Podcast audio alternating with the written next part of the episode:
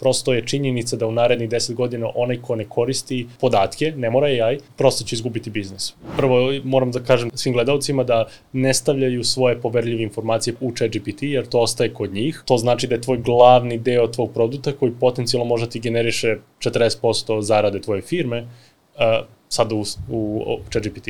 Pomogao sam jednoj kompaniji pre par nedelja da napravi bota za njihovu real estate kuću. U prvom danu smo napravili 45.000 dolara profita. Samo s ChatGPT-im, odnosno samo sa tim botom su napravili to. Juče je Sam Altman pričao u Madridu, gde je pričao o tome da će postojati sve češće billion dollar company sa jednim zaposlenim. I kad sam video njihova pitanja, generalno su bila to da je ChatGPT jednako AI oni moraju da razumeju da je to mnogo veće prilike postoje nego samo ChatGPT. Da, on može dosta toga da pomogne, ali to je možda 5-10% celo AI scene. Ta veština se zove prompt engineering.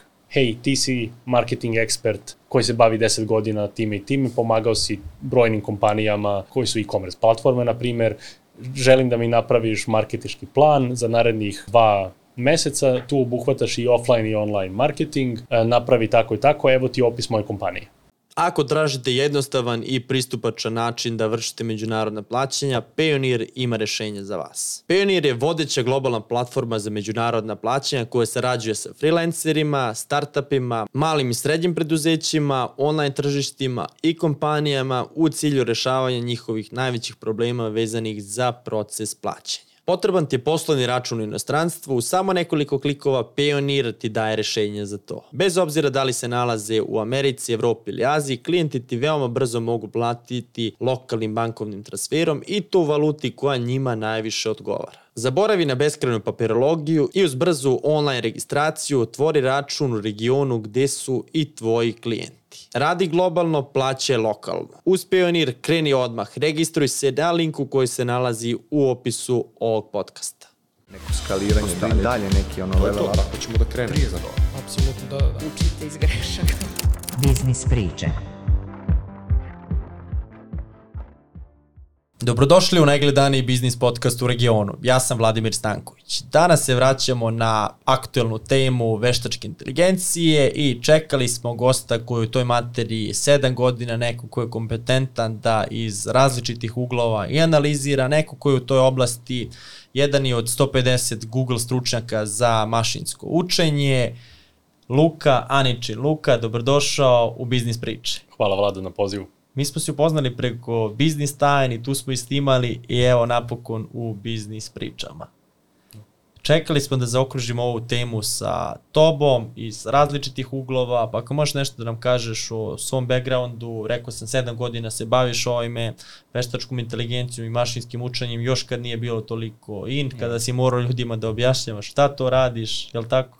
Da, mislim, to je bio najteži deo. Sada nekako marketing radi sam za sebe, mislim, ne moram više da objašnjavam šta je to jer svi nekako koriste danas. Um, da, pa bavim se time 7 godina, radio sam za velike firme svetskih, svetskih brendova kao što je Fotomat, uh, priznan sam od strane Google-a u jednih od 150 uh, Google developer eksperata za machine learning i tu radimo sad na različitim nekakvim strateškim delovima oko razvoja određenih stvari koje se, koje se tiču uh, nekakvih developer stvari od strane Google-a, kao što je TensorFlow, na primjer, biblioteka za razvoj algoritama koji svi znamo recimo danas, kao što je ChatGPT.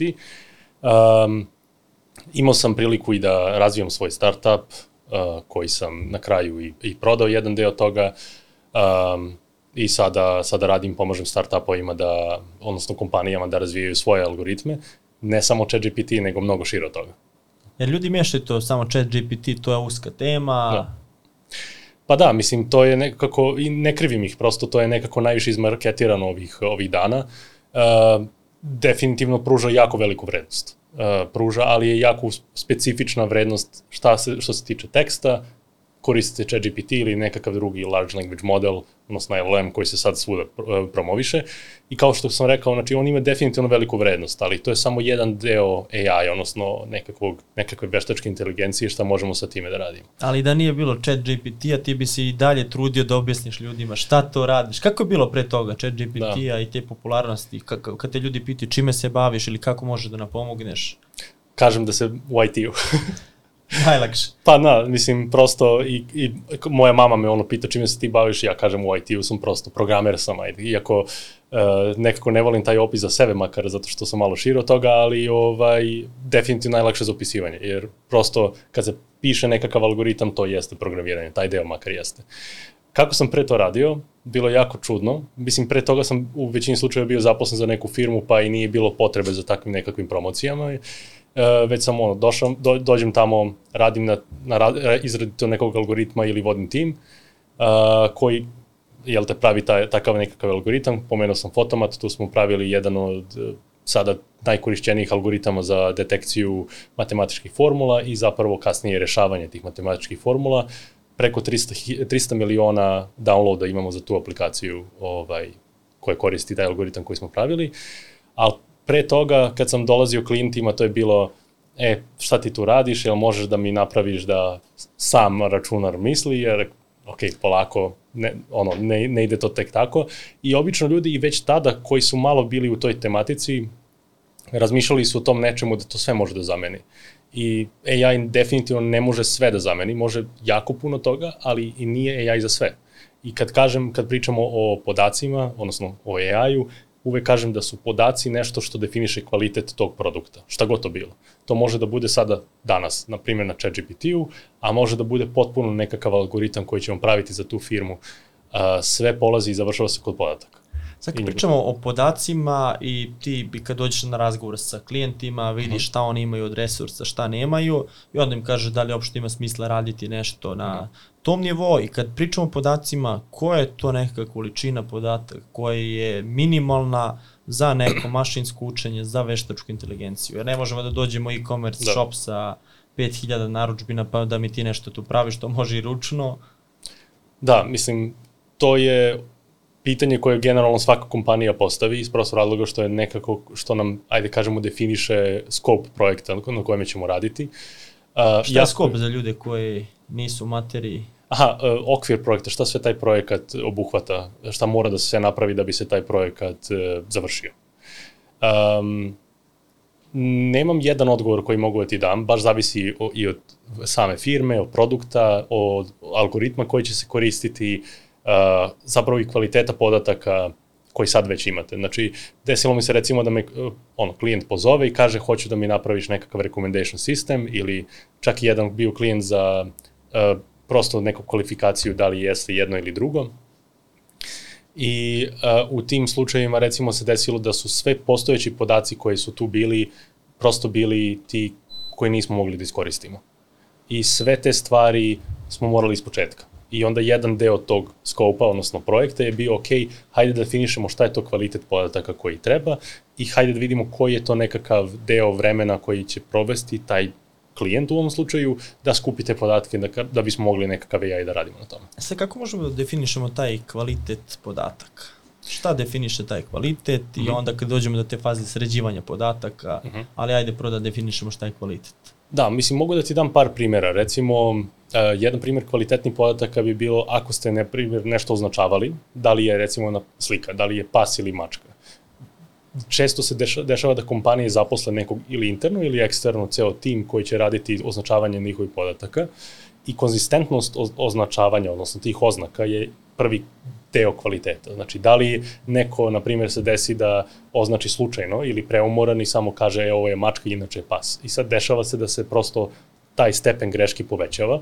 Desilo se da na jednom velikom skupu na kom sam radio, koji je imao preko uh, 4 miliona unikatnih slika, konkretno, 10%, oko 400.000, prosto je bilo pogrešno označeno. I sad koliko god napravili mi taj algoritam da dobro radi i treniramo ga na tom setu, on tih 10% nikad neće moći da dobije. A šta zna, ali može pre toga se napravi algoritam, to je da se očiste ti podaci koliko je god to moguće? Da, da, naravno, mislim, to je prvi deo svakog projekta, da se vidi koliko su ti dobri podaci, da se, um, da se procesuiraju, procesuiraju, u većini slučajeva ti podaci nisu spremni za direktno korišćenje, na primjer tekst. Recimo, sad da se vrati samo na ChatGPT, um, kada neko ukuca nekakav tekst, recimo prompt, hoću da mi generišeš, na primjer, marketišku reklamu za nešto, to prolazi kroz set koraka da bi uopšte došlo da može da se koristi i da se napravi nekakva predikcija, u ovom slučaju generisanje narednog teksta. I na primjer, i druga stvar koja e, definiše taj kvalitet podataka jeste uh, i pot, potpunost informacija koje taj podatak definiše. Na primjer, desi se da klijent mi se javio koji je menjao sam sistem i da je pri, radili smo nešto za njihove korisnike i da u jednom prosto uh, momentu taj sistem je podrazumevao da se ostavi recimo broj telefona ili lokacija, a pre toga nije bilo bilo je opcijno prosto. I onda jedan veliki deo njihovih korisnika samo nije imao te informacije. I onda je deo projekta tu kako da iskomuniciramo sa tim korisnicima da sada je potrebno da daju te informacije isto kako bismo mi mogli nešto da uradimo sa njima. Ljudi u Srbiji, to je kompanije u Srbiji imaju velike količine podataka, to je dovoljne za mašinsko učenje, za veštačku inteligenciju, pošto ti sada imaš i klijente u Srbiji, kontaktiraju te, došlo je tvojih 5 minuta, ljudi da. su na, uh, naučili šta je veš, veštačka inteligencija i kako je može pomoći u biznisu i sad da li imaju oni te podatke? I da i ne, dešavalo mi se bukvalno znači obe, obe strane, oba ekstrema sam doživio u poslednjih par meseci uh, i kao što sam rekao, na primjer, ovaj gde prosto smo sve morali iz početka da radimo, mi se zapravo desilo ove godine, tako da oni su mi se javili zbog ChatGPT-a i rekli hoću ja da ovo da radim, hajde da radimo customer support, konkretno ovaj, za njih je bilo, i oni nisu imali dovoljnu veliku količinu podataka na kom smo mi mogli da, da dobijemo nekakve ok informacije. Um, dešava se čak i često da ljudi kupe, kupe podatke. Znači to može da se radi prosto. Da je, ako postoji neka kompanija eksterno koja prodaje taj data set i kaže hoću da ti prodam lupam za 300.000 dolara, evo ti. I onda kompanija pos, prosto, ako ima te resurse, daće da bi iskupila te podatke i radila nešto sa njima. I šta oni rade? Treniraju algoritam? Da, na primjer. Um, da, mislim, ne znam, možda mi, mislim, koje... Da, dobio se da. generalno šta znači treniranje sad, da, da, da. algoritma? Um, ok, ajde naj, najjednostavnije da objasnim. Um, treniranje algoritama je proces gde pokušamo da iz tih informacija naučimo šta želi taj algoritam da, recimo, mi želimo da taj algoritam da kao output. U svrhu primjenju chat GPT-a je generisanje novog sadržaja nekakav output. Znači damo nekakav prompt i hajde na osnovu tog prompta izgeneriši nešto sledeće. I sad trening tog algoritma je, ok, proces da mu damo ogromnu količinu informacije, da već znamo, aha, evo ti ovaj tekst, evo šta želimo nakon toga da izgenerišeš. I on u tom procesu treniranja nauči da mapira iz ovoga u ovo to je prosto proces treniranja. To si lepo objasnio i sad dajde da kad smo i cijelu priču započeli sa chat GPT-em da mm -hmm. objasnimo i kako funkcioniše chat GPT, kako je nastao, pa ćemo da idemo u, u dubinu. ok. Uh, da, pokušat ću da objasnim, ajde da malo širi audience razume. Um, generalno, znači, algoritam koji postoji u pozadini se zove language model, odnosno model nekakvog jezika. I ti algoritmi prosto nisu novi, oni su nastali pre, ja mislim, čak i više od 10 godina. I sad ti ja kad pričamo, mi koristimo određeni set reči koje smo naučili jedan od drugog ili smo navikli da pričamo na jedan način. Naprimjer, sad sam na podcastu, potpuno ću drugačije da pričam nego kad završimo podcast. I to je nekakav moj jezički model koji koristim sad u ovom momentu. I sad dešava se da ti algoritmi pokušavaju da na osnovu teksta koji im damo nam mapiraju koliko se često recimo sledeća reč ponavlja nakon date neke reči. Na primjer, ja koliko često u rečenicama se dešava sam da bude sledeća reč. Pričamo o srpskom sada. I to se, e, to se bukvalno trenira u tim modelima, kao što je GPT, GPT-3, sada u ovom 3, 4 i tako dalje. Znači, oni se treniraju na ogromnim količinama podataka, to, su, to je u suštini ceo internet, koji obuhvata Reddit, obuhvata Wikipediju, obuhvata blogove razne, sve u suštini stvari koje su nekako na aj kažemo, potencijalno legalan način, ne znam što su koristili sve. Do 21. godine, tako? E, do 21. godine, e, tako je. Sada, kažem, on, oni kriju šta su sve od podataka koristili, definitivno njihov samo dataset, tako da ne znamo šta je sve u tom datasetu. I naravno morate da uzmete u obzir sada kada koristite ChatGPT, to će se koristiti za trening novog modela i tako dalje. E sada, znači, tokom tog treninga oni im daju ogromne te količine informacija, podataka konkretno, gde oni na osnovu datih rečenica znaju šta dolazi sledeće. I ti modeli su dobri u genericanju teksta, međutim nisu dobri u odgovoru na naša pitanja, što je sad ChatGPT.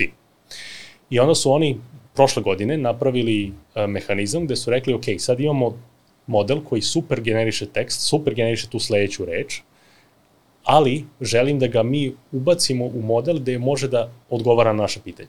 I kako su to radili? Zaposlili su veliki broj ljudi i rekli su sedi ovde za računarom, pitaj, ga, pitaj mu ne, nešto mu daj i on će da tebi da od pet odgovora. I ti njemu rangiraj ti pet odgovora od 1 do 5 kako si ti zadovoljan. I onda su ti, ne znam koliko ljudi, ajde kažemo 200, 500, ne znam tačno, sedeli ispred računara full time i svaki put kad dobiju nekako, nekakve odgovore, rekli od 1 do 5 koliko su oni zadovoljni sa tim odgovorima. I na osnovu toga oni su usmerili taj GPT, sad chat GPT, da on odgovara na pitanja na koje mi postavimo i ole dobro, u većini slučajeva dobro. Znači, ako većina ljudi misli da je to sve veštačka inteligencija, ipak je mora tamo neko da sedi, da pravi tu osnovu, da bi to funkcionalisalo. Rekao si da je to jezički model i da mu je mana matematika i ostale oblasti. Ljudi očekuju pa on sad ima i matematičke operacije, međutim to nije matematički da. model. Da, on, on sam u sebi, s obzirom da sam sad objasnio kako, kako radi, on u suštini generiše tu sledeću reč. Na koji način, nije ni bitno sada, ali on je treniran da generiše ostatak teksta. On nema logiku matematike u sebi. Ako je video određenu formulu koju ste mu vi dali i ima rešenje, on će prosto da, da jer je to najveće verovatnoća da dođe to. Najvero, jer je to samo video. Ali da nove stvari, nove formule rešava, on prosto nije kalkulator u sebi. I sada to smo rešili sa pluginima koji su skoro izašli, prošle nedelje, koji daju mogućnost rešavanja takvih stvari. Ali on kao on, odnosno kad kažemo on, ChatGPT, Chat GPT, uh, on je tu samo da generiše sledeću reč. I nema tu moć, ajde da kažemo, logike i percepcije da interaguje sa nekakvim realnim sistemima, sem ako mu mi damo. Šta je sad razlika između trojke i četvorke? Chat GPT 3, 4, izašao je relativno skoro. Da. Količina teksta i potencijalno veličina modela. Zašto kažem potencijalno? Zato što mi ne znamo, nisu, nisu javno rekli koliko je taj model velik. Postoje neki grafikoni, a sad koliko su oni tačni? To nije tačno, to... ne. Dok OpenAI ne kaže, to mi možemo da nagađamo. I to su sve ono, bije stvari koje ljudi samo kažu da bije to i marketirali sebe. Ali, uh, znači, dolazimo do toga da je taj model potencijalno veći iz uh, iz razgovora koje je CEO OpenAI-a pričao, mislim da jeste značajno veći od ChatGPT 3.5 ili trojke, ali kažem, koliko, ne znamo. Kad kažem veličina, bitna je iz prostora razloga što sada sve veći model, sve više energije što se stavlja u kompjut, bukvalno computing powera, znači da uzmemo grafičke kartice, uzmemo, oni su trenirali, ja mislim, šest meseci na 2000 nešto grafičkih kartica, da bi oni došli do ovo, ovih performansi koje su oni došli i mislim da su trošili, negde je bio podatak, ne znam koliko je tačan, milion dolara dnevno da bi na energiju, na, sve te, na servere i tako dalje, da bi došli do ovoga gde su sada. Čak su napravili teoriju zavere, da su u stvari ono majnovanje za kripto se koristilo da, za... Ma, who knows. Sad me zanima, ako pričam baš o chat GPT, o ne o API koju ćemo kasnije obraditi, koje su tu primene za biznise? Da, um, do sad su koristili za copywriting da, i da, da. ostale stvari. Do sad sam video razne primene. Znači, od, prosto ja ga koristim svaki dan za svoje stvari da ubrzam neke stvari. Od uh, generisanja nekakvih templeta, čak i do generisanja nekog koda za programe. Znači, kad većina programera pokušava da izgeneriše nekakav kod sa ChatGPT-em, on to relativno može dobro da uradi, zavisi stvarno, zavisi kako mu dobro napišemo prompt i tako dalje ali um, u većini slučajeva tu traži, makar sa te strane, nekakvu ljudsku interakciju, na primjer ja uvijek moram da sednem da proverim koliko je to dobar kod i tako dalje. To je jedna stvar. Naravno, spomenuo si copywriting, marketing, uh, promovisanje nekakvih e-mailova, Twitter, threadovi, LinkedIn postovi, video sam razne stvari. Od, I čak ima, na primjer, jedna pravna, uh, jedna pravna kuća u Londonu, koja je počela da koristi da bi ubrzala svoj proces, na primjer, um, generisanjem templeta ugovora nekih. I pričao sam sa jednim founderom iz, isto iz Londona skoro, gde su oni zatvorili neku investiciju skoro, baš veliku, koji su zapravo za celo zatvaranje investicije za jedan deo su koristili zapravo ljude, a u ceo proces su podržali uh, chat GPT-em da izgeneriše njihove ugovore i sve te stvari koje bi kasnije uzeli i jel te, podignu tu investiciju. Sad spomenuo si kako ti pomaže u programiranju, Mhm. Alternativa je radiš u Pythonu, Stack Overflow, imam tu i tu problem i Da. onda tražiš tamo, googlaš i sad druga stvar, ovo što je donao ChatGPT, kako to odradiš? Znači imaš taj problem umjesto Mhm. da ga tražiš na Stacku, ti šta kažeš ChatGPT-u? Da, um, pa to je, to je prvo moram da kažem celoj, uh, celom, kako se zove, svim gledalcima da ne stavljaju svoje poverljive informacije, pogotovo ne kod, ako je za uh, korisnika u ChatGPT, jer to ostaje kod njih. A šta može sad tu I- Mhm. da, da se desi? Da neko, ja sad na primjer uđem i ja dobijem to tvoje ako pitam slično pitanje ili ne? Do, može da se desi. Ne, znači ne znam koliko je često, recimo desilo se baš to sa, sa Samsungom skoro, pre 4-5 nedelja, gde su njihovi zaposleni ubrzali svoje procese interno, neke ugovore stavljali, kod isto, ja mislim da su stavljali i tako dalje. I to je neko uzeo i počeo da postavlja ta pitanja vezano konkretno za Samsung i oni počeo da vraća iste ugovore e, potpuno na drugom računaru, potpuno na drugom delu. Tako da uh, može da se desi da te, mislim piše, to je, to je produkt kao svaki produkt koji se sada i plaća. Znači, ako će želite premium verziju, plaćate, plaćat ćete ga i to je ono, commercial produkt. I oni zadržavaju pravo da za te, te podatke uzmu i da, da poboljšaju taj produkt takođe. A u premium verziji ne uzimajte podatke? Ja mislim da ili- uzimaju. Mislim da uzimaju, možemo da prođemo kroz uh, ono njihova pa- prava kad se, kad se registruje, ali mislim da uzimaju i tu. Gde ne uzimaju, to je kroz API, zato što znaju da će većin, većina ljudi integrisati to direktno sa njihovim produktima i onda su rekli, ok, mi sada ne treniramo, zadržavamo ih samo jedan dana, da, e, mislim, Da. mislim 30 dana kod njih i onda ih brišu, ali ne treniraju čak i njih tih 30 dana. E sad, videli smo to, to je bilo narodno pitanje, da se vratimo na ono prvo, a umesto da tražiš na steku, Mhm. ti kucaš ovamo, treba Da. mi to i to, da im kako izgleda taj proces za programere. Da, dešava se recimo ako imam konkretan, uh, neku konkretnu grešku, uh, da uzmem i tu grešku koju sam dobio, ubacim tu i samo kažem, e, Ubaciš svoj kod gdje si ne, ne, ne, greške kod nikako, ne? ne, ne, A zbog čega nikada. sad, šta je tu poverljivo što se tiče koda? Pa, šta mogu tu da ti ukradu, ako si mogu i na stek da ok- okačiš to ili... I na steku Koliko to koda kada- ubacuješ? Da, i, i, i, i na steku, Stack Overflow je redko kada će neko uzeti baš produkcijski kod od klijenta A staviti. priča znači o celom kodu, ok. Da, Mislio da, sam da. samo deo neka ili Čak klasa. i samo funkcija, na primjer, ako je neka funkcija koja nosi biznis, na primjer, recimo imaš e-commerce biznis, imaćeš funkciju koja će ti raditi preporuku stvari. To je jedna funkcija, to nije SEO produkt, Da. ali ako ti tu greška, ljudi će ono osetiti da mogu da kopiraju tu i mogu tu celu funkciju da stave. Ali to znači da je tvoj glavni deo tvog produkta koji potencijalno može ti generiše 40% zarade tvoje firme, uh, sad u, u, u ChatGPT.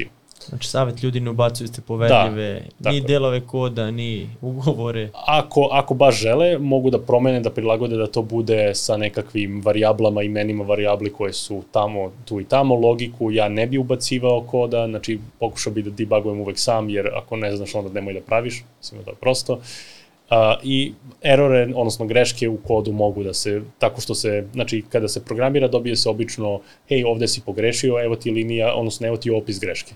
Ubaciš tu taj opis greške i on ti da predlog rešenja koji možeš da dobiješ. Znači, može da ubrza programiranje. Može, Sad me zanima, a, debata je koliko će zameniti iz ove oblasti, da li će zameniti Mhm. programere, koje će programere zameniti, ChatGPT, novi alati koje nastaju. Da. Um, Šta kažeš ti tu? Struka šta kaže? Znaš šta, uh, ubrzava dosta proces programiranja. Ne vidim da će u potpunosti zameniti, zato što u većini slučajeva generiše, kao što smo rekli, sadržaj koji postoji. On makar za sada nema tu logiku da uzme i da izmisli nešto novo, potpuno novo, koje nije do sada postojalo, što ljudi rade. Um, da ubrzava, kao što sam rekao, programere definitivno da i šta vidim, potencijalno da se smanji količina ljudi u timovima. Da umjesto, lupam sada, pet ljudi zaposliš samo tri i ti si uštedeo dve plate samo što koriste, na E, primjer. tu koliko jedan, na primjer, senior koji koristi ChatGPT može da uradi posla, kao koliko A mislim, ljudi, seniori obično, ja ne znam nijednog seniora sa kojim sam pričao da koristi toliko ChatGPT. a koga koristi? Pa obično juniori, uh, mediori, pa kažem čak nekad seniori recimo za, pro, za debugging određenog problema. Ali ovaj, da piše ceo kod, mislim uvek će senior bolje napisati kod. Kvalitet koda koji sam ja video da ChatGPT, makar za sada kažem daje, je na nekom srednjem nivou, medijorskom. Što i dalje je solidan kod, ali nije definitivno optimizovan da, da to radi perfektno. svuda. Šta su najavili za narodnu verziju? Sad je četvorka, Uh, petica. Ne, zapravo, mislim da je Sam Altman, ovaj CEO OpenAI, rekao da još neće izbacivati uh, peticu, makar još neko vreme. Uh, najavili su da će biti manja verzija, u smislu da će uh, realno izgledati manje, i da, što znači da će za, mi ćemo imati brže rezultate, znači neće toliko čekati da izgeneriše sadržaj. To je jedna stvar koju, ajde kažemo sa nekom velikom sigurnošću možemo da ispratimo šta je do sada priča u, u javnosti. A kada će pokupiti onaj ostatak podataka? Pošto uhvatio podatke iz 2021. godine, Mhm. ovaj ostatak... Verovatno jeste već. Oni imaju verovatno taj dataset, pogotovo sada što imaju i Microsoftovu podršku u tome. Samo što taj trening traje ono šest meseci, pa nekad i, nekad i duže. I onda uvek će kaskati makar tih šest meseci za, za podacima koji su javni. Ali sada, recimo, kažem, prošle nedelje je izašla opcija da radi pretraživanje interneta, uh, takozvani browsing, gde vi ako upišete nešto u ChatGPT, dobijete taj, tu opciju da se uključi i browsing, gde uh, on će otići na, recimo, Google, pretraži, odnosno sada Bing, pardon, neće ver, verovatno neće Google, uh, i pretražiti određene tematike i onda uzeti i vratiti te informacije i, napra i zapravo sa, napraviti taj sadržaj da izgleda onako lepo za tog korisnika koji bude čitao to. Sad pitao sam koje su primene bez API-a, sad da objasnimo šta je to API i kako se koristi, pa da imamo i ti ka- kako koristiš. Da, ja bi, ja bi pre nego što skočimo mm na API, zapravo mnogo zanimljivija um, stvar koja je prošle nedelje izašla, ovi plugini, s obzirom da će to veći broj ljudi koristiti nego API, ali naravno ćemo pokriti i ovo. Um, čisto da kažem, znači, postoje kompanije koje su kao Zillow, uh, Wolfram Alpha i tako dalje, uh, spojile njihove servere, njihove produkte sa ChatGPT-em i napravili taj interfejs gde vi kroz kucanje nekakvog običnog engleskog jezika, na primer, recimo za Zillow, e, pomogao sam jednoj e, kompaniji pre par nedelja da napravi bota za njihovu e, real estate kuću, koja u suštini je tu između e, kupaca i prodavaca i napravili smo bota koji bi interagovao sa, i sa jednom i sa drugom stranom i onda oni samo sa onim baš kvalifikovanim lidovima mogu da dođu na call. I uh, u prvom danu smo napravili 45.000 dolara uh, uh, profita na jedne kuće. Uz tog chatbe, Uz tog, tako je. Klozovali smo smo, mislim, ja sam bio tu, gledao sam šta piše i tako dalje, ali ovaj, samo sa chat GPT-im, odnosno samo sa tim botom su napravili to.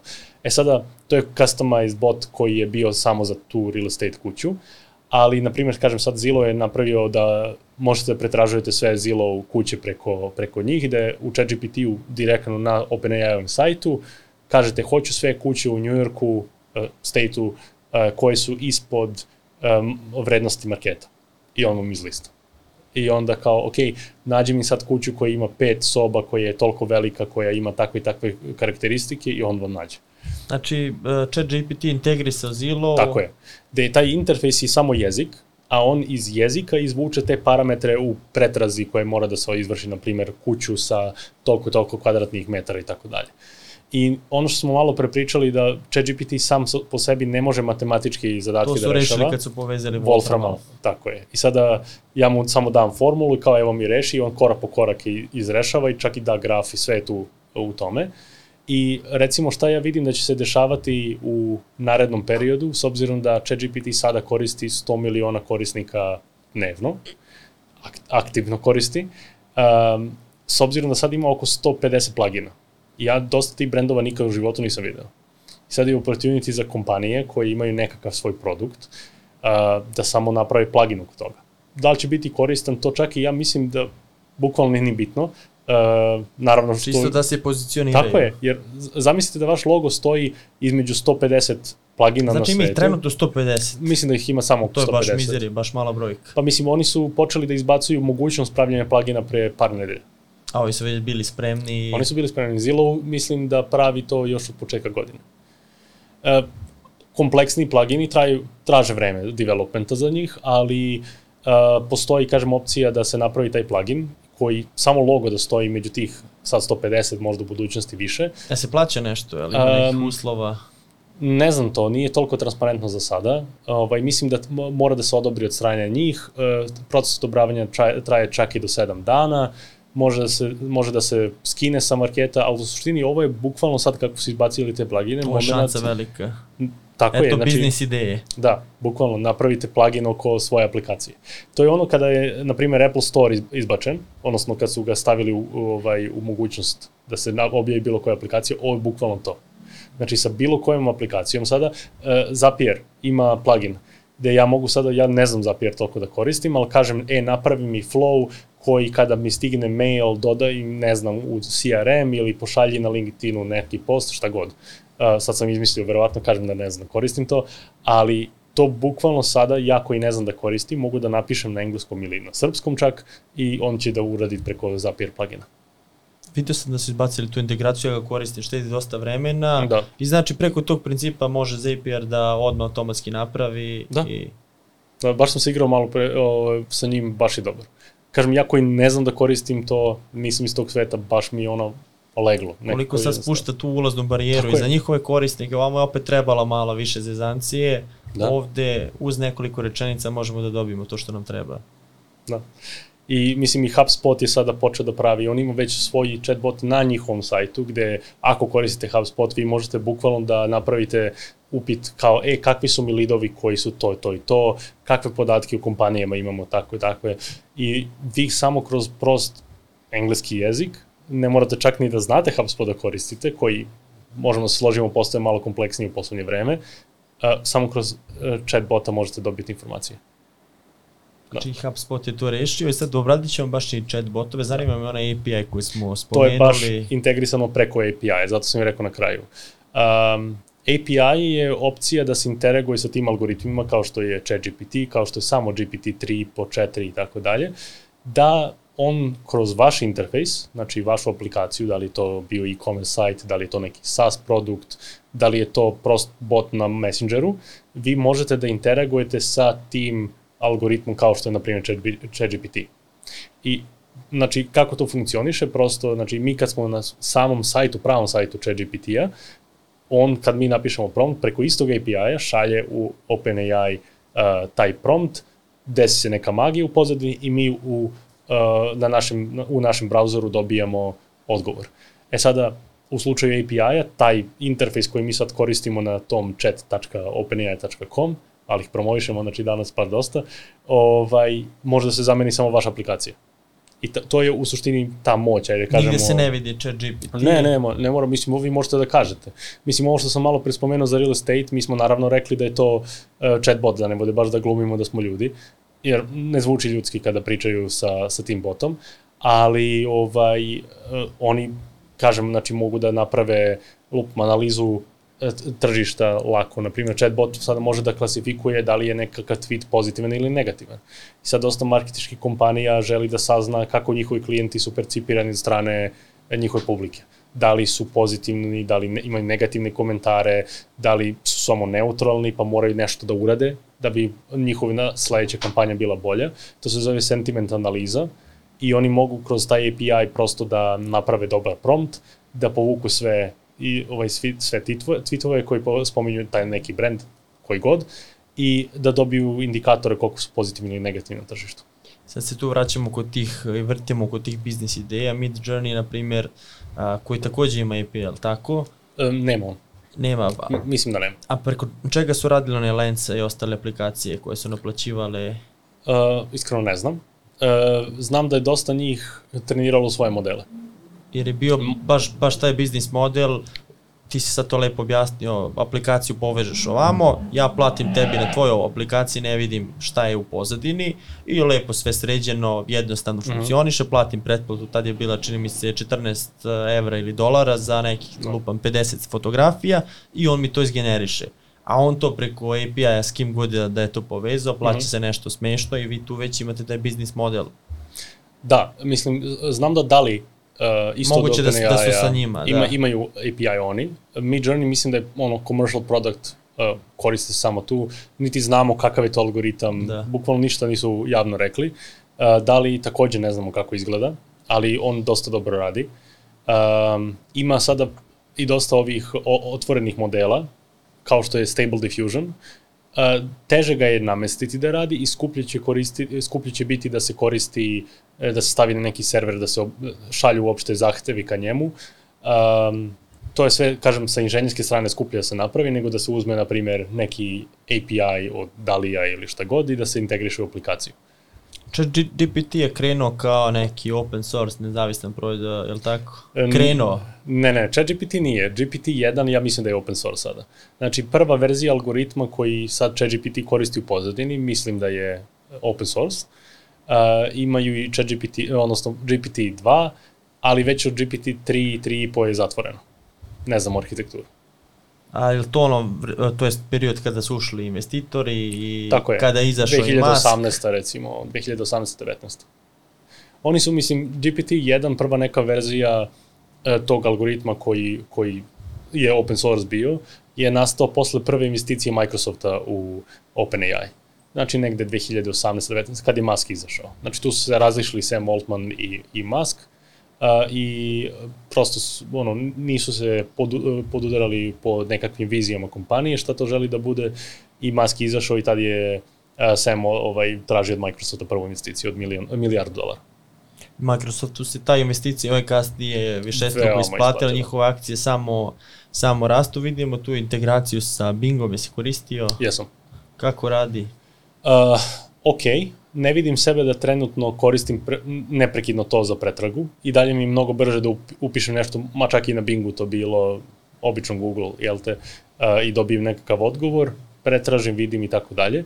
Ali kada pričamo o nekakvim obradama sadržaja, na primjer ako veliki blog postoji, nemam vremena sada da ga čitam, želim samo nekakve bullet pointe šta je to glavno na tom blogu, uh, Bing, Bing, Bing chat to može da odradi, to je takozvani summary, ovaj, i to ima, postoji opcija naravno da sa dosta nekakvih različitih sajtova prikupi informacije i da mi sve stavi u jednu tabelu, tako da kad se radi nekakav, eh, nekakvo istraživanje, uh, vidim da koristim i chat, uh, Bingov chat da dobijem nekakve ok rezultate, ne samo, ali definitivno Bingov chat je dobar, mnogo bolji od, na primjer, Barda i tako dalje. ChatGPT je najpopularniji i stoga ga najviše spominjamo. Da. Međutim, koje još alate, AI alate koristiš u poslu? Ili koristiš uopšte? Ili postoji alternativa ili... Uh, umesto ChatGPT? Pa ne, generalno dodatke, ali imaš neki... Pa mislim koristim ima ima ovaj par toolova koji su za tekst, ali primarno kad kad pričamo o tekstu ChatGPT je tu. Uh, imamo recimo za kodiranje konkretno što ubrzava dosta proces, zove se Copilot, GitHubov Copilot, isto Microsoft, znači dosta dobre modele imaju. Um, oni samo za programere, znači pomaže oko komentarisanja koda, provere koda, uh, pome, čak i u onom debuggingu što sam spomenuo pomaže i tu, ali on ne pomaže ni za što drugo sem za kodiranje. Uh, što se tiče drugih AI alata, uh, pa mislim direktno da, da kažem, e, sad ću da sednem da ovaj tool koristim uh, redko zato što ih obično pravim i onda Kaže, ne koristiš ono što ti nisi napravio, a? Ne, ne, ne. Ovaj, pa mislim, nemam ja toliko sada stvari koje, koje mi treba, trebaju sem, na primjer, ubrzavanje nekakvih ugovora, ubrzavanje nekakve dokumentacije. To je, mislim, ono stvar koju radim. Ili, ili pričam, ili pišem kod, ili uh, pomažem ljudima oko nekakvih strateških stvari. Ali sve u svemu se svode na tri stvari. Priča, pisanje koda i dokumentacija. A šta je potrebno da bi dobio koristan odgovor od uh, ChatGPT-a? O, nagooglujemo googlanje, mm Mhm. -hmm. a šta imamo ovde? Kako se to zove i kako se ta i veština gradi? Potrebna je neka veština ponovo. Da. Um, pa i mislim, i, i na Google treba veština, jer ima, ja recimo lično ne znam toliko Google dobro da koristim. Svi ga koristimo day to day, ali verovatno niko nije seo da uči sada Google kako da koristi, ali definitivno ima tu na, načina kako da se to i to poboljša. A što se tiče uh, ChatGPT-a, uh, ta veština se zove prompt engineering. Znači, to ono što mi pošaljemo nekakav zahtev zove se prompt. I engineering prosto pravimo ga na nekakav zanimljiv način. A, to su tehnike koje nam olakšavaju da dobijemo bolji sadržaj. Znači, ne samo da napišemo, hej, hoću marketički plan za narednih mesec dana, on, ti dobit ćeš marketički plan za mesec dana, ali to će biti generički, generički template. Uh, u tom prompt engineeringu tu postoji set nekakvih, ajde kažemo, pravila koje nam pomažu da dobijemo, kao što sam rekao, bolje, robustnije rezultate koje su potencijalno personalizovali za nas. Znači od toga da kažemo, hej, ti si marketing ekspert koji se bavi 10 godina time i time, pomagao si brojnim kompanijama uh, koji su e-commerce platforme, na primer, želim da mi napraviš marketički plan za narednih uh, dva meseca, tu obuhvataš i offline i online marketing, uh, napravi tako i tako, evo ti opis moje kompanije. Evo ti vizija, evo ti misija, na primjer. I sa svim tim informacijama već imate mnogo, mnogo bolji output od onoga prethodnog. Znači, samo mala promena uh, na načina upita, a to je, to je to. Znači, ovde sam sad iskoristio nekakve 3-4 metodologije, tehnike koje se koriste u prompt engineeringu, ali kažem tu postoje razne i svakog dana vidimo nešto novo. Da, da se koristi A ko su tu greške da. sad, kad, jel tu u jednom upitu damo sve, u jednom promptu damo sve te informacije mm -hmm. ili ga delimo na nekoliko? I jedno i drugo je prihvatljiva metodologija. Znači ja gledam da u inicijalnom promptu bude što više informacije dato, ali onda se kasnije deli na sve više i više stvari postoji takav stvar i to je obično nekakva, nekakva stvar koja uh, nam pomaže da, da dobijemo, kažem, bolje, kvalitetnije rezultate.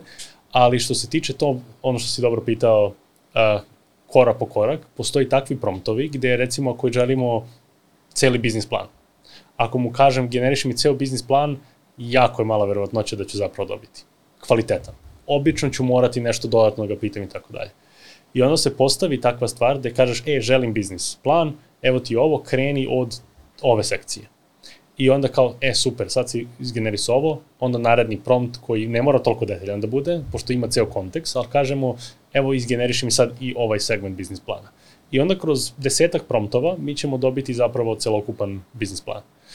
To je iterativni proces i prosto čak i da se najbolji prompt definiše, obično ja napravim neku korekciju, kažem, e sada, na primjer, za skripte, E sada, izgeneriši mi ponovo malo više detaljan deo skripte koji opisuje taj taj problem. Znači, dešava se da ono, čak i kada mu napišem do, ono, dosta, dosta dobar prompt na početku, da se vratim i tražim nekakve izmene od njega. Samo me zanima, spomenuo si uh, biznis plan, na primer, i sada hoćemo da radimo biznis plan i zanima me to sad pohranjivanje informacije. Da bi napravio za mene, da kažem, savršeno, ja treba da mu dam sad neke informacije.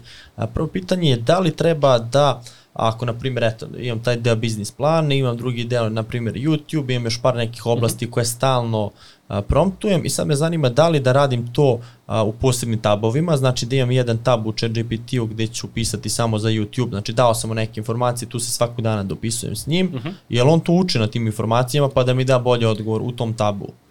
Ja uvek kreiram novi chat.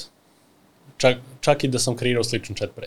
Aha. Zato što ako si pričao sa njim, čudno je da kažem sa njim jer je to ono, algoritam, ali um, da si pričao više dana, on izgubi kontekst od onoga prvog dana. A izgubi? Izgubi, zato što on ima određeni set informacija koji neprekidno prati i koristi. I to je taj, on, taj limit koji su oni definisali, na tom su trenirali. Znači on ne može dalje od toga. Izaći će potencijalno novi algoritam koji će imati ovaj veći segment, uh, veći segment koji možemo da mu damo odjednom, ali za sada to se izgubi. Obično neki 20, 25, zavisi koliki je odgovor, naravno, sad odokativno pričam, ali ja kažem kako radim, na primjer, recimo da sam sada ja youtuber. Za svaku skriptu bi ponov, ponovni tab otvorio i dao bi mu potencijalno isti početak. Hej, ti si YouTube uh, konsultant ili ti si dobar copywriter koji je pomagao tim i tim youtuberima, uh, napiši mi napiši mi, uh, treba da mi napišeš skriptu za video koji se tiče toga i toga, treba video traje toliko i toliko, evo ti detalji koje sam već, bullet pointi koje želim da pokrijem, na primjer. Znači uvek novi tab. Tako je. Ima, ima jedna uh, stvar koju, zapravo je rad izašao juče, koja obuhvata jedan, jedan metodologiju promptinga koji, koji ja koristim često, um, gde recimo sada, evo taj primer, dao sam mu da napiše nekakvu skriptu i on dobio sam. Obično to nije skripta koju ćemo odmah uzeti i staviti u nekakav video, ti ćeš ga pitati za više informacija, produžit ćeš skriptu tamo i tamo, koji doći ćeš do nekakve zadovoljavajućih rezultata. E, šta onda ja uradim? Napravim novi chat i kažem mu, e, ti si script kritik. I daću ti skriptu i daću ti temu video snimka napravi mi kritički razmišljaj i napravi mi izmene na skripti, kaže šta treba bolje, da li su informacije tačne i sve izmene lupam stavi u zagradu čisto da ja vidim gde si promenio. I onda se vratim u onu prvu, uh, prvi chat, kopiram taj ceo, celu skriptu koju sam dobio od ChatGPT-a, vratim i kako se zove, dobijem mnogo bolju skriptu. Odličan savjet, to ćemo isprobati. Da, Jeste čuli? Sad me zanima to što si rekao da ti ispravi da kaže šta je tačno, šta nije, halucinacije. da. Šta su halucinacije mm -hmm. chat GPT-a? Uh, pa svi generativni modeli, um, znači njih, oni su trenirani da izgenerišu novi sadržaj. I oni nemaju evidenciju kada trebaju da stanu. U smislu, ako je sadržaj izgenerisan, oni će, oni će se samo prosto uh, stati sa tom generacijom ili kada dođu do limita onoliko koliko treba da se izgeneriše, to je to. E sada, halucinacije su s obzirom, kažem, da su oni generisani da, odnosno trenirani da generišu novi sadržaj, um, oni će uvek dati nekakav, nekakav output. Čak i da ne znaju šta se traži od njih, dobit ćete nekakav output. I onda se često dešava, pitate ga nekako pitanje, i dobijete odgovor koji apsolutno nema veze sa time. Ali samo uvereno. Tako je. Zato što on prosto trenira da izgeneriše novi sadržaj. I on, kažem, nema proveru eksternu karaktera kao, e, da li je ovo što sam ja rekao tačno ili ne. Tako da, u većini slučajeva, um, ja, ako ne znam nešto da proverim, ja prosto ne verujem na prvu ruku tom, tom sadržaju što sam ja radio, dobio. Pa čak i skripte kad sam pisao, nekad sam isprobavao sam za sebe, um, napišem skriptu i onda proverim. I onda radim research, pratim se knjige, Google, nebitno, i on, ali proverim svaki detalj što mi on dao. Za kod je jednostavno, copy-paste. Ili radi ili ne. Ili radi ili ne radi. Da. Znači sve treba uzeti sa rezervom. Apsolutno. Posebno ako je nešto važno. Apsolutno, da. I tu je ona mana, da kažem, rekli smo nije matematički model, isto im je mana, da kažem, medicina gde ljudi uzmu pa traže neke važne odgovore na, na njemu. Da, imali smo i situaciju gde se jedna osoba, uh, nažalost, na, oduzela sebi život zato što je videla to iz ChatGPT-a. U Americi, mislim. Šta je videla? Ne znam, neki sadržaj je čitala, ovaj, pričala sa chatbotom, sa, sa, sa ChatGPT-em i prosto od, odlučila se na taj potez. Mislim, to je prosto ekstremi. ekstremi, ali kažem, deš, dešava se jer prosto nekada taj ChatGPT može da bude toliko samo, uh, samouveren u taj sadržaj i ako ta osoba prosto nije spremna da proveri sam, ili samo prihvati eto sadržaj kakav jeste, uh, može se desiti ono pogotovo u biznisu i razne nepogode. Sad on ima neku barijeru da kaže ako ga pitaš za samoubistvo, kako se pravi bomba, on će u prvom odgovoru reći ne mogu to da ti kažem, ali posle... Da, Uh, znači, sada, to je diskutabilno pitanje i to je veliko pitanje koje sve češće ljudi sada pričaju, a to je da li, se, da li je open source bolji od closed source algoritama, odnosno kompanijskih algoritama kao što je OpenAI. Za sada kada istražujemo, kada još nismo svesni rizika i kada još ne znamo šta su ti algoritmi mogu da rade, ja bih rekao da centralizovani algoritmi su makar za sada bolji. I obrazložit ću to. Znači, OpenAI ima, pored samog ChatGPT-a, i algoritam koji proverava pre nego što dođe uopšte prom do ChatGPT-a, da li je to prim, ok sadržaj. Da li ste pitali o nekakvim uh, neprihvatljivim stvarima, o nekakvim vulgarnim stvarima, oko nekakvi takvi primjera kako napraviti bombu. Znači, on, oni kroz interakcije naše sa, sa, sa ChatGPT-em već imaju listu dosta tih uh, odgovora, odnosno pitanja, koje prosto nisu ok, primerljivi. I oni, kao što svako od nas ima nekakav svoj brend, oni imaju svoj brend koji žele da zaštite, a to je da ne želim da podržavam tako, takve stvari, kont, nasilje i tako dalje. Um, I s obzirom da se oni jako bave i njihov brend je isto kao i vaš kada koristite ChatGPT, uh, tu na liniji, kad, što se tiče korisnika, oni jako puno novca investiraju u te zaštite. Sad, ako koristimo nekakav algoritam koji je open source. Naprimjer, imamo Open Assistant, odličan algoritam, može da se slobodno koristi i tako dalje, Lama i drugi algoritmi, koji su bukvalno za chat napravljeni. Vi kao kompanija, ako se odlučite na takav potez, morate da imate infrastrukturu kako da podržavate taj algoritam. Da li imate adekvatne zaštite? Šta se dešava ako korisnik pita takva pitanja? Šta se dešava ako odjednom dobijete milion zahteva? Mislim, to, o tome ne morate da razmišljate ako imate samo API e, prema ChatGPT-u. I to su, to su neke stvari gde sada, kažem, kada ima puno nepoznatih stvari, nepoznatih elemenata, je dobro koristiti takav algoritam. Sa, po, sa OK, sad imamo i dobro da oni ne, ne, ne stavljaju naše poverljive stvari ako koristimo API, što je odlično. Tako da, to je, to je nešto što, bi, što bih rekao. Da.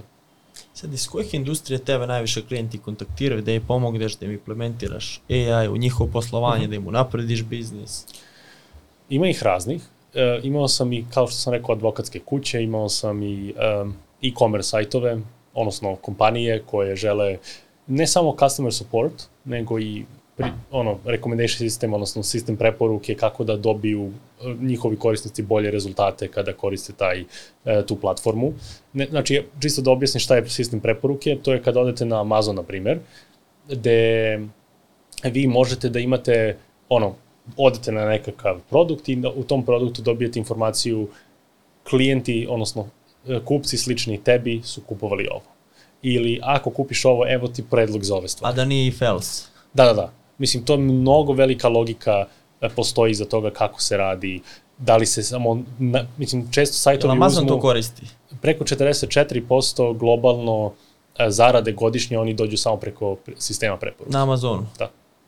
To su milijarde u pitanju. Znači nije fails. Ne, ne, ne. Znači tu postoji učenje o tome šta se gleda, koliko se dugo gleda, da li, da li korisnik samo dođe na produkt ili zapravo se zadrži na produktu, da li je došao, pogledao, ušao u sliku ili nije ušao u sliku, da li je scrollovo, čito tekst, nije čito tekst, da li ga doda u korpu pa ga izbacio iz korpe. Mislim, sve su to indikatori koji su jako, jako korisni kad se prave ti sistemi preporuke. I kažem, to može da bude od najprostijeg, e, ovo je najprodavanije, evo ti, što najčešće, na primjer, prodavnici sada rade, do nečega što zapravo ima smisla i može da vam doprinese uh, jako puno biznisu.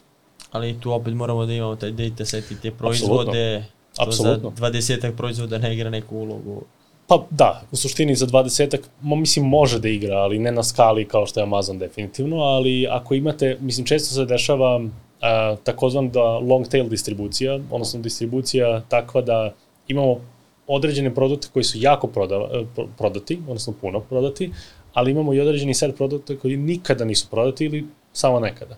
I sada, recimo, kako napraviti uh, dobru uh, primjenu algoritma tog da nekada predložimo i ove, da bismo izjednačili proces kupovine stvari.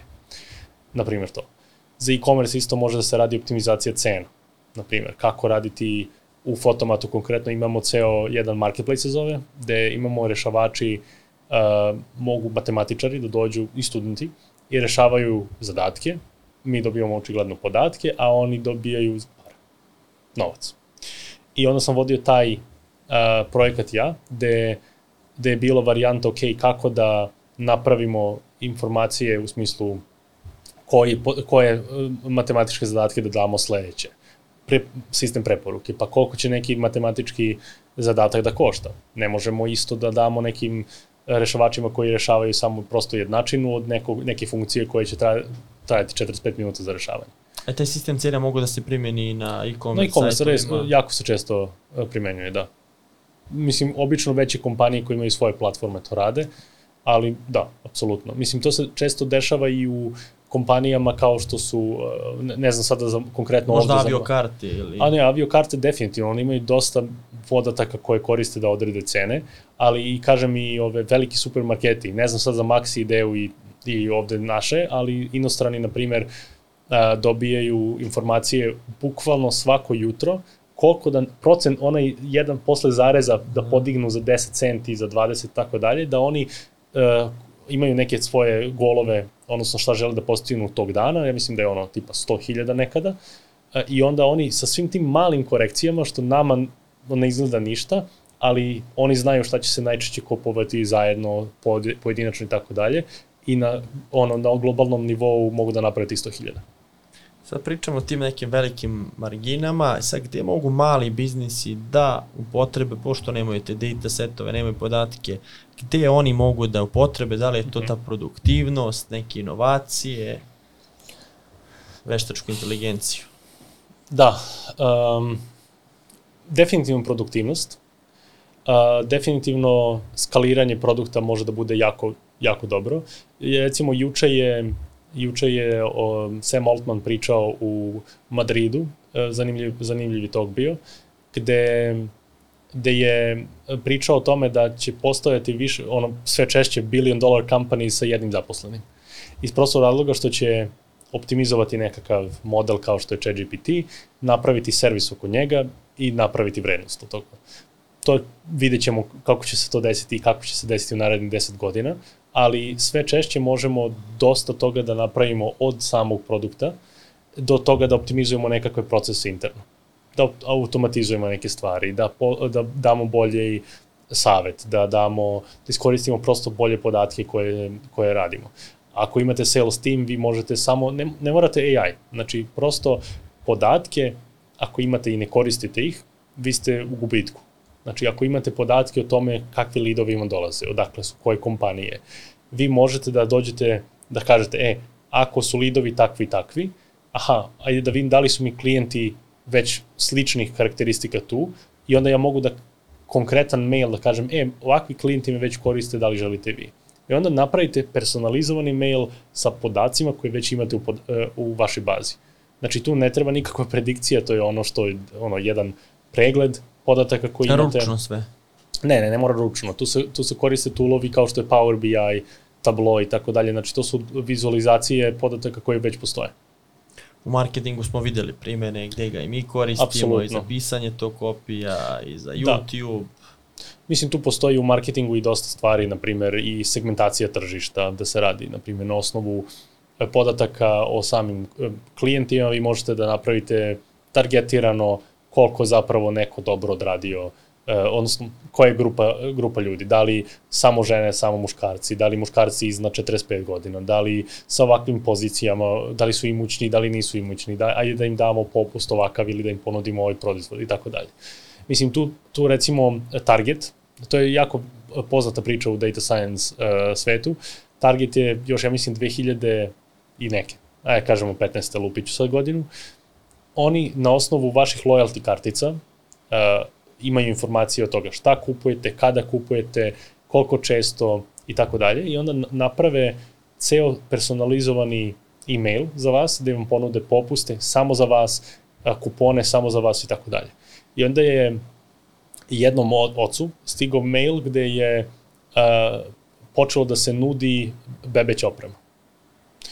I onda se otac uvredio, tužio Target u tom momentu i rekao, pa ovo je čuveno, kako mislim moja žena, ono, imam malu čerku, čerka od 17 godina u tom momentu. Ispostavilo se da je čerka valjda kupila test za trudnoću, ispostavilo se da je trudna, Target je na svom recommendation sistemu to ukapiralo ukap, i samo je ponudio takve stvari, čak ni otac nije znao u tom momentu. To je 2016. 15. 16. bilo. Či znači, radi posao. Da, i još jedan zanimljiv primer koji mogu da vam dam. Um, recimo, ne znam, kad je, ne pratim toliko futbol, ali kad je Liverpool uzeo, ono kad je bilo 0-3 u prvom polu vremenu i onda je izjednačio i onda na penale pobedio.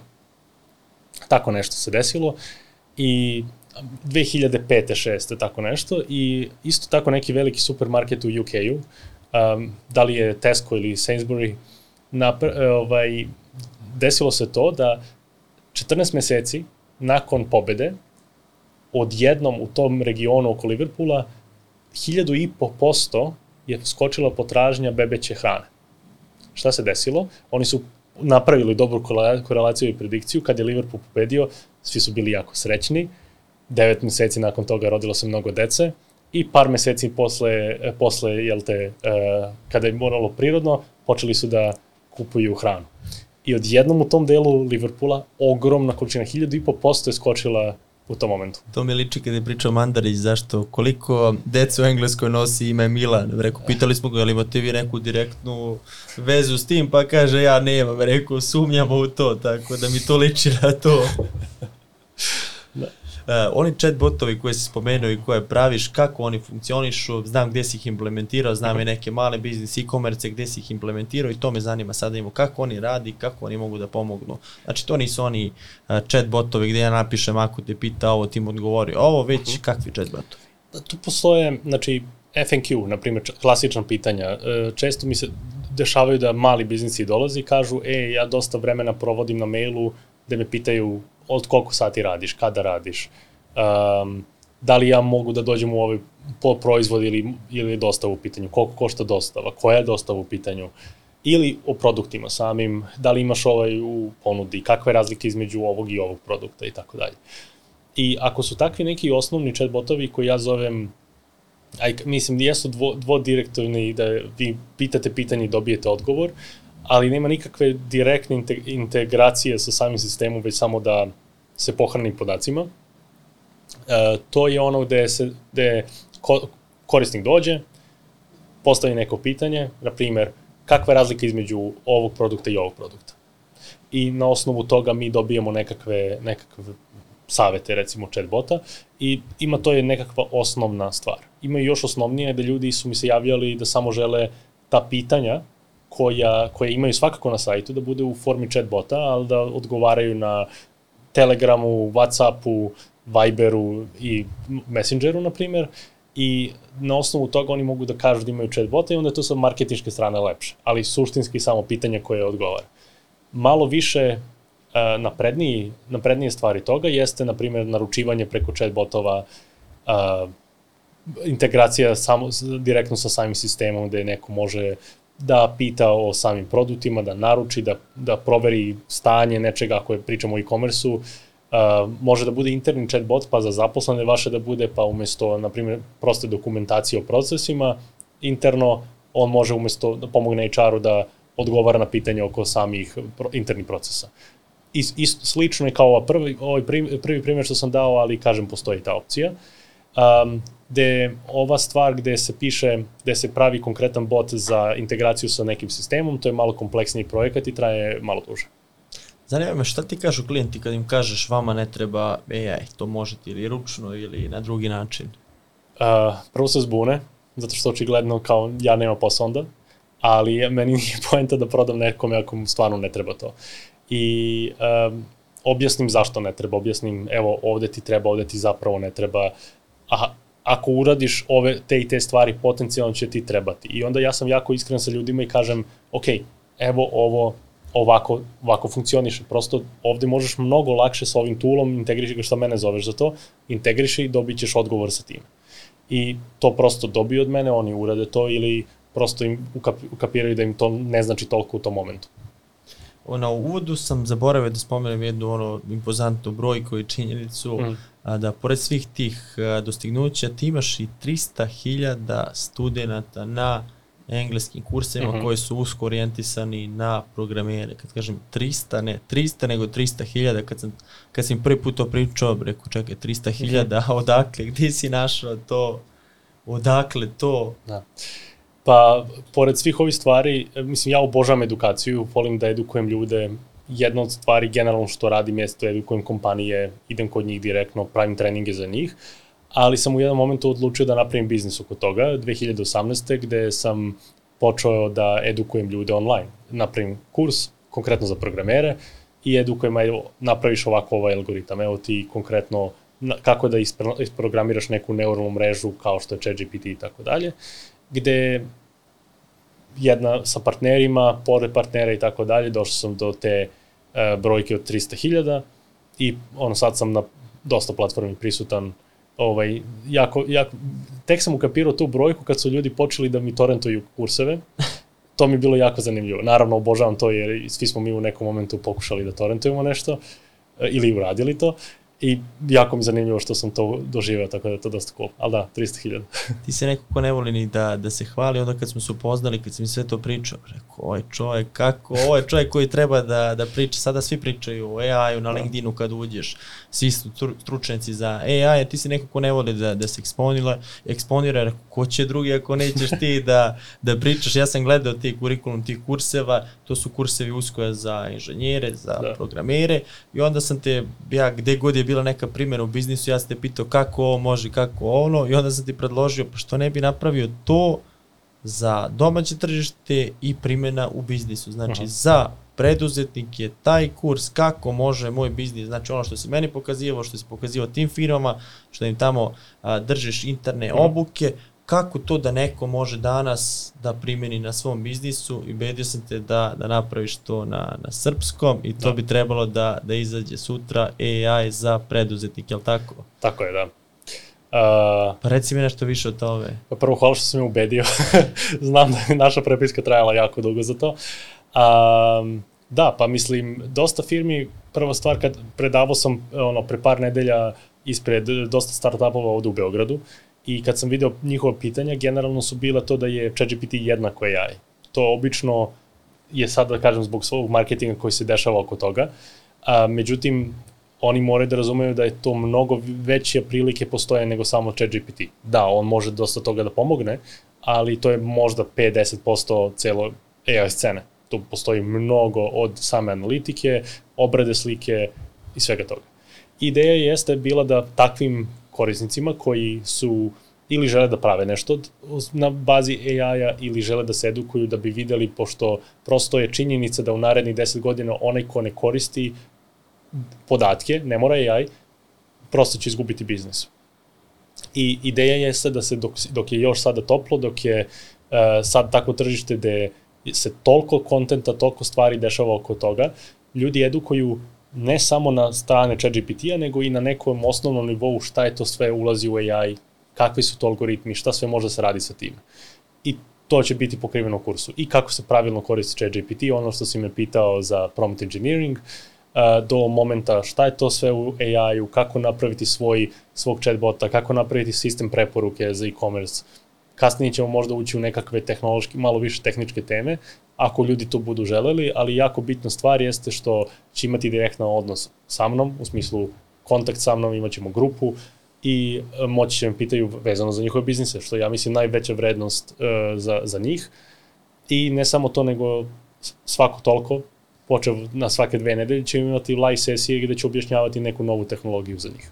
Neki novi tool, neka nova Tako tehnologija. je, tako. Od, ono, počet ćemo od nekakvih stvari koje sada su najtoplije, pa ćemo možda videti, kasnije ćemo ubacivati i nekakve, kažem, potencijalno više tehničke teme ako budu takav audience, e, tak, e, takvi, tako, ako budu takvi studenti prosto.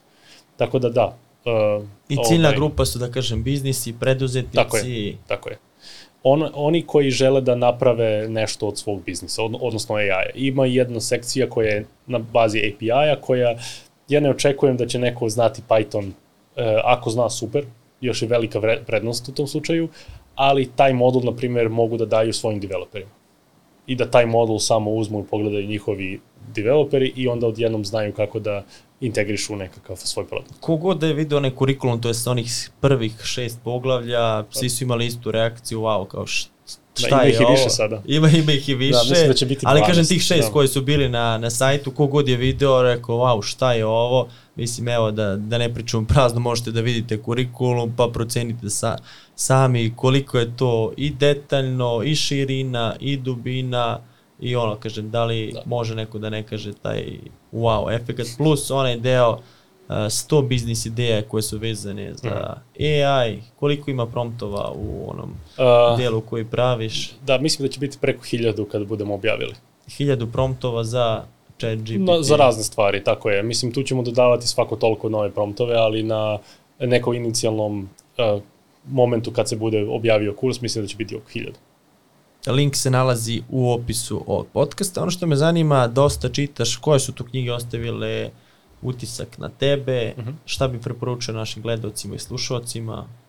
Um, da, ova je knjiga koju, koju sam čitao, mislim, skoro ponovo, mislim da sam pročitao zapravo tri puta, um, je Super Intelligence od Nika Bostrom.